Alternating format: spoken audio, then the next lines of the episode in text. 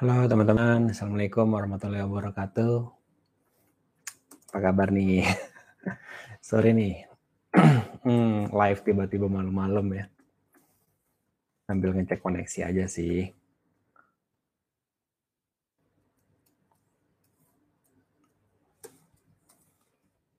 Dulu ya. Halo bright people.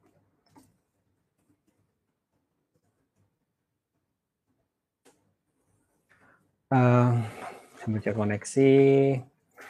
Ya kebetulan teman-teman saya lagi ada di satu kegiatan, jadi lagi ada di satu hotel di daerah Jakarta Utara nih. Um,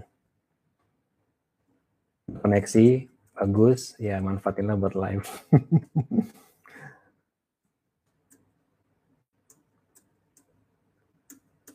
ya tapi sambil mau ini juga sih. Um, ada satu hal yang kepikiran sebetulnya dan saya mau sharing sih.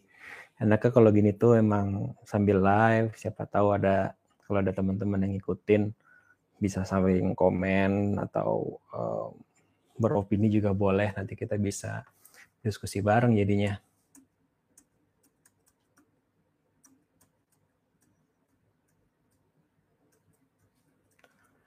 Ya jadi um, Sesuai judulnya sih, um, saya mau ngomongin cara saya itu bisa sekolah sampai kuliah itu bisa dikatakan tidak membebani orang tua sih.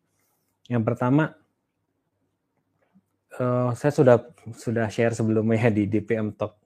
Sebelumnya itu bagaimana awal saya tunanetranya, terus juga bagaimana perjuangan saya dan juga keluarga itu akhirnya saya bisa lanjut sekolah lagi dan bisa dikatakan itu mengembalikan dunia saya ya.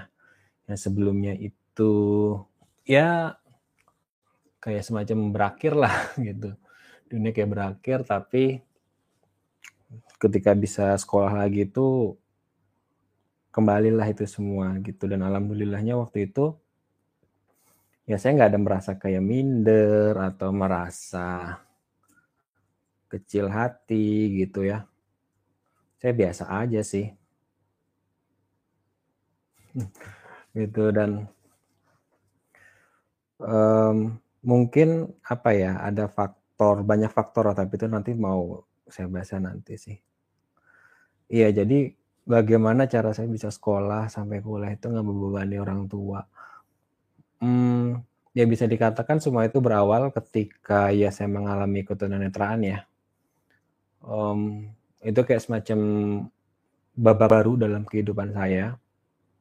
Ya, di banyak yang saya pikirkan, banyak yang saya uh, pertaruhkan gitu. Kalau misalnya, hmm, saya kadang-kadang juga berandai-andai juga sih, kayak kalau misalnya saya nggak mengalami ketunanetraan ini, apakah saya bisa sampai pada tahap saya sekarang ini gitu. Itu kadang-kadang aja sih kepikiran gitu. Cuman namanya manusia kan ya yang bisa cuman itu doang. Berandai-andai, menerka-nerka. Karena ya pada dasarnya semua sudah ada yang ngatur ya. Sudah diatur oleh Allah, oleh Tuhan Yang Maha Esa gitu. Nah jadi pertama itu ketika saya sekolah sampai kuliah gitu. Karena saya tahu banyak teman-teman juga mungkin yang ada yang habis habis sekolah mau langsung kerja misalnya gitu. Atau mungkin ah saya kan ada keterbatasan ngapain kuliah gitu misalnya. Tapi entah ya karena ya bisa dikatakan saya juga bukan dari keluarga yang berada juga. Orang tua saya juga bisa dikatakan buruh lah ya gitu. Um, bukan ada keturunan darah biru, ningrat atau apa enggak ada perantauan dari Jawa yang datang ke Jakarta tuh modal dengkul aja gitu. Tapi mungkin itu juga yang saya pelajari gitu bahwa dengan ber, tidak ada bekal dibekali pendidikan yang tinggi hanya ya pendidikan dasar tuh mungkin juga nggak lulus juga kayak nggak jelas lah orang zaman dulu kan gitu tapi ya bisa survive di Jakarta bahkan bisa ngumpulin sedikit demi sedikit penghasilannya bisa punya rumah di Jakarta dan itu it's really inspired me gitu. Buat saya dan um, satu hal juga yang mungkin membuat saya itu nggak pernah kepikiran buat berhenti sekolah atau apa karena ya dari keluarga saya mungkin nggak nggak ini ya menyuruh secara langsung tetapi tidak pernah ada anggapan bahwa oh kalau begini ya udah nggak sekolah. Bahkan dulu ketika saya sempat berhenti setahun ya ketika kelas 6 SD itu mengalami ketunanetraan tetap ada usaha itu bagaimana biar bisa sekolah lagi gitu. Jadi memang pada dasarnya sudah meyakini bahwa pendidikan itu penting. Betul pendidikan itu penting banget. Dan um, tapi um, dari situ semua berawal dari situ saya jadi banyak kepikiran gitu bahwa oh saya sudah banyak ketika saya mengalami tunanetra ya saya banyak merepotkan orang tua nih saya banyak meng ya ya namanya gimana ya namanya anak yang tadinya penglihatannya normal tiba-tiba drop ya pasti orang nggak nggak ada lah orang tua yang nggak sedih ya pasti pasti itu seperti itu. Tapi um, karena adanya hal seperti itu yang membuat saya saya nggak mau ngerepotin orang tua saya. Dan saya mau bikin orang tua saya itu bangga lah sama saya meskipun saya ada keterbatasan gitu. Jadi memang saya dari SMP itu um, saya memang suka melakukan ini apa pun itu yang bisa meringankan beban orang tua. Kayak misalnya dari SMP aja itu ya alhamdulillah karena prestasi prestasi saya juga nggak buruk-buruk banget lumayan lah. Jadi waktu itu saya juga sempat dari kelas berapa ya itu kayak sempat dapat beasiswa juga.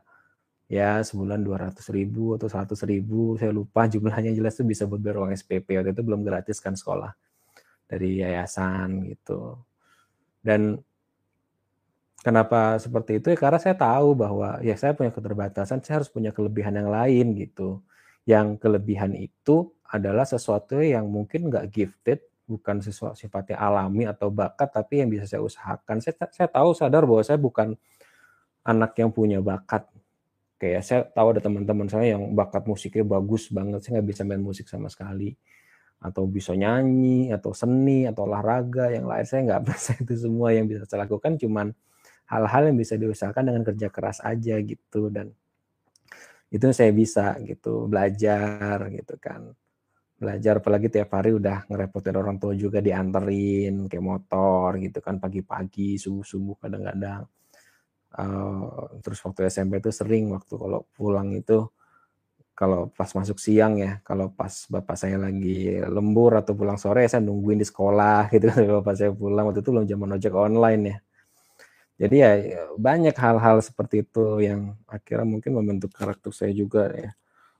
Terus juga pas SMP itu bahkan saya sudah bisa menghasilkan uang loh kayak yayasan waktu itu kayak sempat kalau nggak salah kayak mengadakan bazar atau pameran apa saya disuruh jaga stand.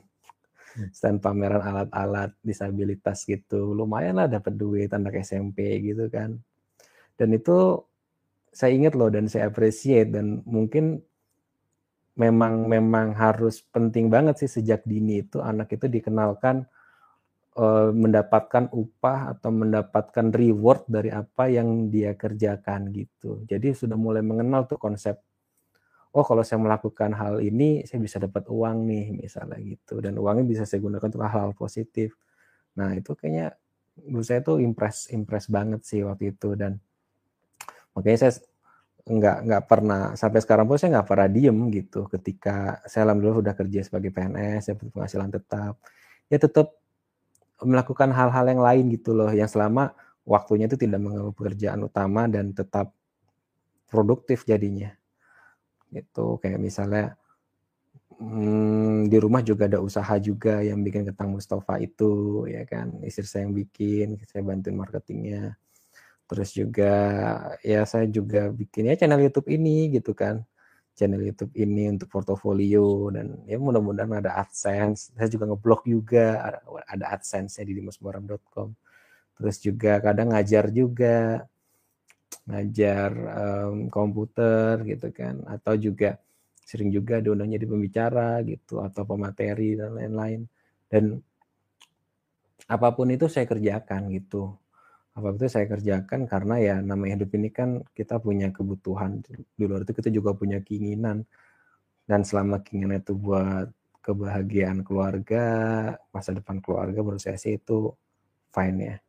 Ya saya juga ikut lomba juga lomba nulis kalau kayak apa pun lah yang bisa saya kerjakan uh, selama itu produktif dan menghasilkan sebuah karya gitu.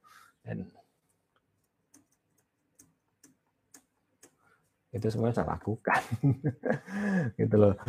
Hmm, terus juga SMA SMA juga sama sih. Saya pernah kayak dapat beasiswa DSN juga dapat bermodalkan hasil rapot. Jadi kalau setiap habis uh, dapat rapot tuh kita laporan ke yayasan dan dapat dapat duit gitu lah ya buat buat bayar SPP terus juga ikut lomba terus juga pernah saya pernah dapat beasiswa super semar juga kalau nggak salah dari Pertuni waktu itu ya perantaranya. Jadi whatever lah ya, selama itu bisa meringankan beban orang tua gitu. Nggak sepenuhnya harus dibiayai sama uang orang tua gitu. Dan dulu saya ingat banget sih dari zaman SD itu juga hmm, udah belajar udah biasa nabung. Jadi saya ingat kalau saya selalu kayak semacam punya prinsip bahwa saya kalau mau apa pun sesuatu itu yang jadi keinginan saya itu harus dari uang saya sendiri dan saya harus nabung. Kayak pernah beli sepeda pas saya SD itu kan, itu juga dari uang tabungan saya sendiri itu nabung. Jajan waktu itu masih 300 rupiah. ya karena keuntungannya nggak perlu naik angkot ya, nggak perlu ongkos, jadi cukup jalan kaki atau naik sepeda. Nah itu bisa nabung gitu. dan itu saya pakai. Terus saya pernah beli apa ya sampai saya SM, SMP beli komputer pun juga saya pakai uang saya sendiri juga waktu itu masih murah ya mungkin sejuta atau dua juta deh lupa komputer rakitan dan um, itu akhirnya membentuk karakter saya sekarang ini gitu. saya saya saya aku itu seperti itu. Terus juga um, apa pun lah ya kalau misalnya kadang dari mulai kuliah itu pernah kayak diundang jadi pembicara apa tentang topik apa meskipun saya merasa mungkin oh saya nggak menguasai itu terlalu ini terus saya ambil aja. Terus tapi saya belajar gitu kan. Belajar um, cari lagi materinya apa terus baru saya ini kan jadi apa pun itu dan um, sampai kuliah juga saya dapat beasiswa juga sih jadi waktu itu kan belum zamannya BOP yang berkeadilan atau apa ya di UI ya. Jadi di UI itu waktu itu pas saya masuk masih relatif murah. Jadi masih ada uang pangkal sih 5 juta dan itu juga dicicil.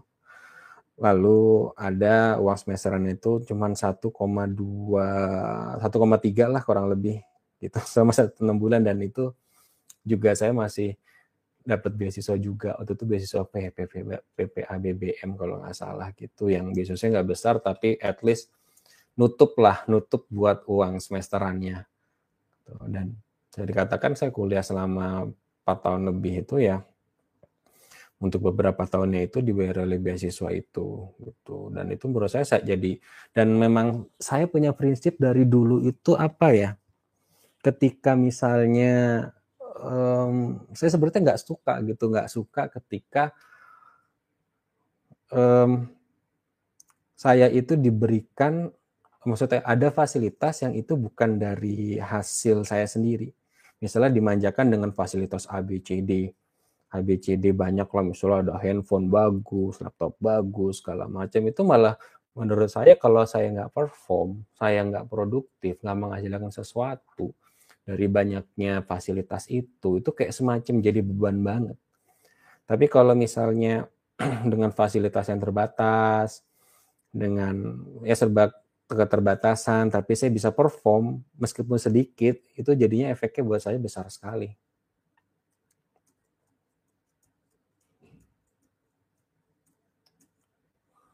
Itu dan um, makanya ya dari waktu saya ingat banget sih uh, handphone pertama saya itu Nokia 3310 tuh ada yang punya nggak teman-teman di sini? Jadi itu itu juga lungsuran dari bapak saya. Dipegang itu saya mulai dikasih dipegangin itu SMA ya karena biar kalau misalnya ya waktu itu telepon umum udah mulai agak jarang kan ya. Kalau pas SMP itu di depan sekolah itu di ya sekolah saya SMP 226 Jakarta itu ada telepon umum. Jadi waktu itu saya um, punya kantong koin receh gitu loh buat telepon kalau misalnya saya pulangnya telat atau apa segala macam buat telepon ke rumah gitu telepon umum. Nah pas SMA itu kan udah hampir nggak ada telepon umum jadi ada bikin HP itu Nokia 3310 itu dan itu HP yang um, saya bisa buat telepon karena waktu itu kan belum ada aplikasi Talks ya atau screen reader di handphone yang seperti itu dan itu cuma bisa dipakai buat telepon dan nomor nomor nomornya pun juga kita harus ngafal kalau kita nggak bisa baca phonebooknya. Nah itu salah satu kelebihan ketika belum zaman screen reader ya, belum zaman phonebook. Jadi waktu itu banyak banget hafal nomor-nomor orang. Sekarang sudah nggak hafal kecuali nomor sendiri, sama nomornya istri paling, sama nomor orang tua. Nah terus kita bisa ngetik SMS tapi kita nggak bisa baca karena kita bisa ngafal kan. Jadi misalnya tekan yes, terus panah berapa kali ke mana, terus tekan yes lagi ke mana, terus tinggal ketik. Kan itu masih pakai yang 9 huruf numpad itu kan. apa angka-angka itu jadi nomor ada dari huruf. Nah nggak bisa baca SMS. Nah itu tuh tuh SMA kayak gitu. Yang saya tahu teman-teman saya udah banyak pakai APW bagus, cuman saya nggak peduli lah. Nah terus pas kuliah masih pakai itu juga sebetulnya, tapi ternyata orang tua pas masuk kuliah itu ngasih HP Nokia 6 eh 6600 sih yang bentuknya bulat. Dan itu bisa pakai Tox gitu. Kenapa dibeli itu karena bisa pakai Tox menurut saya itu bukan HP yang pada saat itu bukan HP yang wow. Udah HP second juga dibelinya kalau nggak salah, tapi bisa dipakai lah gitu dan itu waktu itu juga mahal loh sejutaan kalau nggak salah ya 1600 itu mahal loh ya tapi itu kan memang ternyata sangat bermanfaat banget karena ya ada jarkom, ada kita ngubungin dosen, ngubungin temen gitu ya. Dan itu sangat manfaat banget ternyata gitu. Dan eh, bahkan laptop yang saya punya ketika saya kuliah itu juga hasil lomba. Gitu, hasil lomba waktu itu saya pernah ikut lomba karya tulis online pas kelas 3 SMA. Terus saya dapat laptop hadiahnya itu lomba nasional dan nggak sangka banget dapat laptop dan dapat langganan. Waktu itu Telkom Speedy ya. Sekarang IndiHome tuh namanya dulu Telkom Speedy. Itu waktu itu internet tuh masih mahal banget tahun 2006 2007 itu masih mahal banget yang langganan. Cuman berapa ke Mbps ya? Mungkin satu MB atau dua M satu lah. Itu bisa ratusan ribu atau sampai jutaan gitu. Dan itu dapat gratis selama setahun. Dan bahkan karena, nama Telkom pakai jaringan tabel telepon ya itu karena udah nggak punya nomor telepon rumah lagi jadi nebeng sama tetangga yang itu juga saudara juga. Jadi pakai nomor dia terus sama bapaknya ditarik kabel dari sana ke rumah kabelan ya. Uh, jadi gitu um, laptop dan dan ternyata laptop itu ya sangat bermanfaat banget sama saya kuliah gitu. Saya nggak bisa yang nggak bisa membayangkan kalau saya nggak punya laptop itu gimana saya. Karena ya mulai ketika kuliah kan udah mulai harus pembelajaran secara mandiri ya kan? Udah harus mandiri nyari tugas-tugas nyari sumber di internet dan lain-lain. Waktu itu Toshiba saya uh, laptop yang saya dapat itu Toshiba satelit kalau nggak salah ya. L100 mungkin waktu itu barang mahal ya gitu. Pokoknya bagus lah dulu zaman itu ya. Windows Windows XP itu uh, jadi ya itu dengan segala keterbatasan segala macam saya merasa nyaman sih gitu. Merasa nyaman dan malah ketika saya bisa perform dengan itu saya malah jadi ada sebuah kebanggaan tersendiri. Itu um,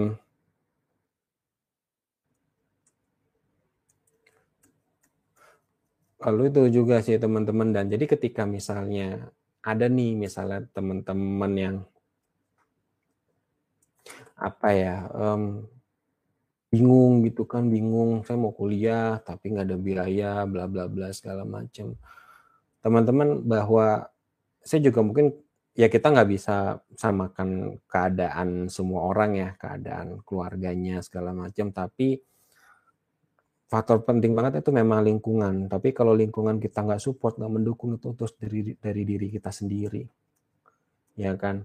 Yakinlah kalau kita, ya orang sering bilang kan, if there is a will, there is a way gitu.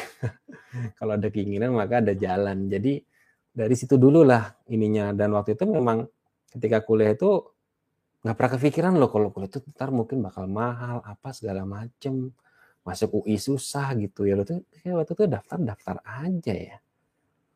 Nggak banyak mikir sih emang. Bahkan saya waktu itu nggak tahu passing grade.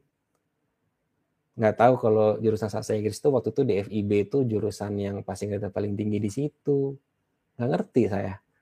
Kayak kayak ada HI ada apa saya nggak ngerti gitu. Cuman ambil ya udah nggak banyak mikir ngambil kuliah aja gitu dan alhamdulillah dikasih mungkin karena letaknya dekat nggak terlalu dekat apa nggak terlalu jauh dari rumah. Um, jadi ya teman-teman fokus aja gitu ketika mau kalau mau kuliah. Apalagi ya buat teman-teman yang ada keterbatasan disabilitas atau yang lain yang mau keterbatasan lainnya salah satu cara untuk mengkatrol derajat kita dan keluarga kita adalah dengan pendidikan. Iya kan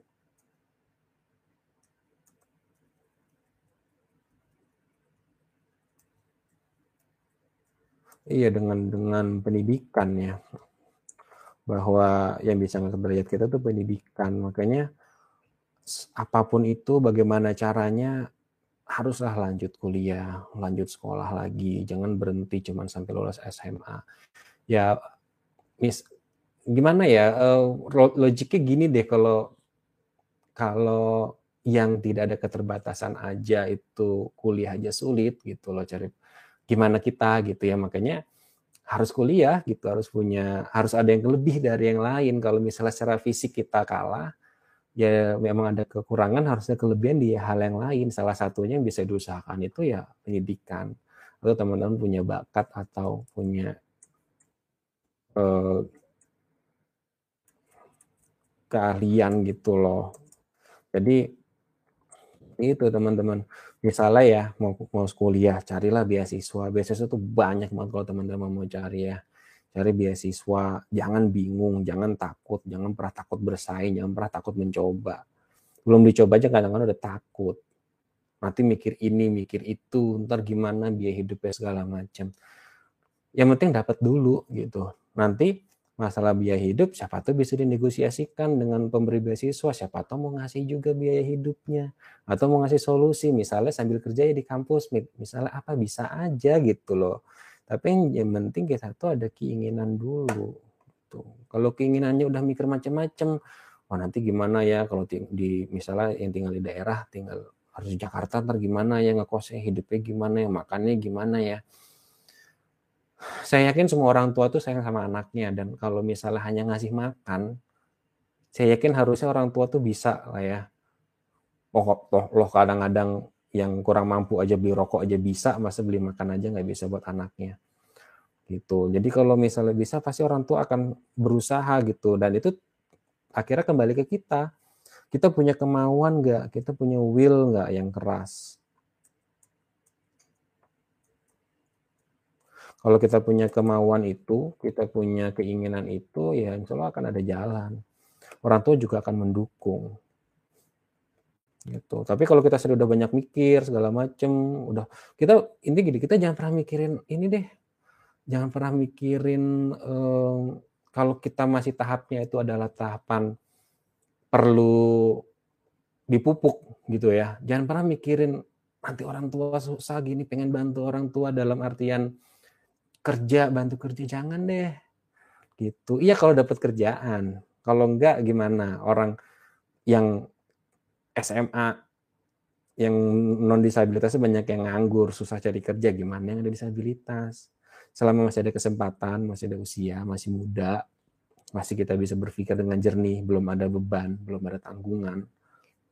Kuliah lah teman-teman. Gitu. Beasiswa banyak cari-cari peluangnya segala macam entah dari kampus. Nih kalau yang saya tahu nih beasiswa tuh ada di Unpam Universitas Pamulang di Tangerang. Itu dari kerjasama sama Pertuni. Kalau ada lagi beasiswa Universitas Universitas Brawijaya seleksi mahasiswa mandiri khusus buat disabilitas dia juga kasih beasiswa juga. Ada lagi bidik misi ya kan? Ada bidik sekarang ada kartu Indonesia pintar kuliah. Banyak banget kalau kita mau usaha dan tapi masalahnya peluang-peluang sebanyak itu nggak akan berarti apa kalau kita sendiri itu nggak punya keinginan selesai gitu loh.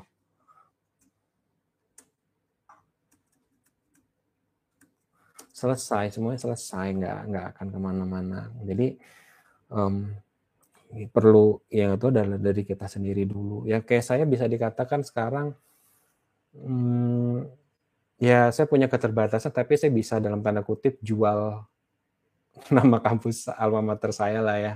Saya bisa bilang saya uh, lulusan dari UI, yang saya tahu nggak semua orang bisa masuk kampus itu, ya kan? One of the best university in this country gitu. Jadi hmm, carilah sesuatu yang bisa jadi selling point atau kelebihan kita gitu. Jangan hanya menjual oh saya tunanetra, saya disabilitas, saya nggak bisa ini, nggak bisa itu. Ya kita bukan itu jadi identitas kita, tapi ya oh saya bisa ini, saya bisa itu. Bukan kita nggak bisanya apa. Gitu teman-teman. Dan um, makanya saya kadang-kadang sering bingung ya, nggak tahu karena memang lingkungan saya nggak nggak bukan karena lingkungannya beda atau gimana tapi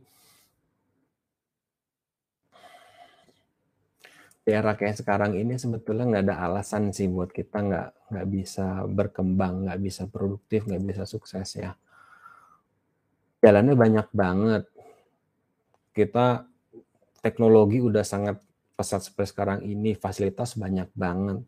Tinggal bagaimana kita bisa memanfaatkan itu sebetulnya. Hmm, Iya, begitu banyak lah gitu. Tapi kayak kayaknya memang masalahnya adalah semua kembali ke mindset ya. Mindset. Saya yakin kalau teman-teman bisa memper apa istilahnya memperbaiki mindset kita bahwa uh, kalau kita nggak usah banyakkan mikir yang aneh-aneh, nggak usah mikir susahnya, kita pikirin dulu aja ke depan bagaimana. Saya yakin kita nggak perlu takut apa pun sih, nggak perlu takut apa pun, nggak perlu khawatir apa pun gitu. Dan pada akhirnya eh, saya bisa berkata gitu bahwa saya tahu bahwa selama saya ini kecil sampai kuliah sampai sekarang saya mungkin banyak menyusahkan orang tua saya tapi paling nggak saya ingin sedikit meringankan beban itu. Tapi meringankan bebannya bukan dengan ah saya lulus SMP, so SMA mau kerja deh. Jadi gitu. Ini buat orang tua enggak. Orang tua tuh masih punya tugas adalah untuk membesarkan anaknya, mendidik anaknya gitu dan memberikan modal. Modalnya kalau zaman sekarang apa? Kalau zaman dulu mungkin modalnya kasih tanah, kasih sawah, kasih apa. Kalau sekarang modalnya apa? Pendidikan Gitu. Jadi selama orang tua kita masih ada misalnya, atau kalau nggak punya orang tua ada orang tua asuh misalnya, atau banyak channel-channel yang lain yang bisa mem membantu kita untuk kita bisa mendapatkan pendidikan itu, manfaatin gitu, manfaatin banget. Nah, tapi selama itu juga jangan benar-benar totally menggantungkan itu ya, tapi harus cari-cari sampingan kayak dulu saya pas kuliah tuh sering saya nulis kok nulis juga dikirim ke koran dapat duit lumayan lah seratus ribu dua ratus ribu. Terus uh, nulis blog apa ikut-ikut lomba nulis lomba esai pernah menang juga kalahnya banyak juga sih. Terus juga mm, ikut organisasi cari pengalaman cari CV gitu. Jadi manfaatin waktu muda itu seoptimal mungkin jangan cuman atu aja cuman di situ aja gitu ya. Jadi banyakin skill banyakin networking banyakin uh, pengalaman gitu. Dan itu yang nanti akan membentuk kita teman-teman. Um, dan dan kembali lagi ya bahwa masalah mindset saya nggak pernah kepikiran loh kayak nggak nggak kuliah terus juga langsung kerja. Tapi ya tetap saya pengen kuliah meningkatkan kapasitas saya. Paling nggak saya bisa ibaratnya itu kita punya ember yang lebih besar gitu ya untuk meningkatkan kapasitas kita. Dan ada sesuatu yang bisa saya banggakan atau saya pak jual lah ke orang lain gitu ya. Yang itu bisa menjadi kelebihan saya gitu. Itu sih teman-teman yang mau sampaikan. Semoga bermanfaat ya makasih banget yang udah ngikutin juga ada komen-komen juga beberapa makasih banyak Semoga manfaat, semoga kita semua bisa sama-sama sukses ya. Sama-sama sukses dan ingat teman-teman bahwa kita terlahir miskin itu bukan salah kita atau orang tua kita. Gitu. Karena nggak ada yang bisa memilih itu gitu. Tapi kalau kita mati dalam keadaan kekurangan, kita menjadi beban buat orang lain, nah itu kesalahan kita. Karena kita tidak berbuat optimal semasa kita sehat atau semasa kita hidupnya gitu. Jadi selalu semangat ya. Berpikir kreatif gitu. Kreatif apa pun peluangnya itu hajar gitu kan. Ada peluang misalnya udah peluang kerja nih. Ada peluang kerja informasinya apa? Baca jelas-jelas baca yang uh, secara teliti hajar gitu ya lamar aja gitu. Ditolak ya nggak apa-apa orang gratis gini. Kecuali teman kecuali teman-teman nyogok ngelamar itu nyogok terus nggak dapet barulah stres. Orang gratis gitu ya seleksi kayak CPNS ada kesempatannya hajar gitu. Karena nggak semua nggak semua orang tuh punya skill buat bisnis ya punya jiwa bisnis. Uh, tapi yang nggak yang belum ke situ ya lamar kerja dulu aja gitu. Kalau ada kesempatan misalnya ada kuota nih berdisabilitas hajar gitu ya tinggal nanti di dalamnya kita belajar lagi belajar nyusahin diri belajar bagaimana bekerja dan harus punya kemembalan atau resilience ya. Jadi harus kuat mental gitu. Oke, itu aja deh teman-teman. Uh, saya nggak mau panjang-panjang. Uh, selamat istirahat juga. Ini juga besok ada kegiatan juga saya di sini. Uh, sehat-sehat selalu buat teman-teman semua, sukses selalu dan makin cerah masa depannya. Silakan di komen, silakan di subscribe buat yang belum. Uh, saya ingin tahu juga opini dan pendapat teman-teman mengenai hal ini. Siapa tahu teman-teman punya pengalaman yang lebih seru bisa di-sharing juga di sini dan kita bisa belajar bareng-bareng uh, ya di sini sama teman-teman kita yang lain.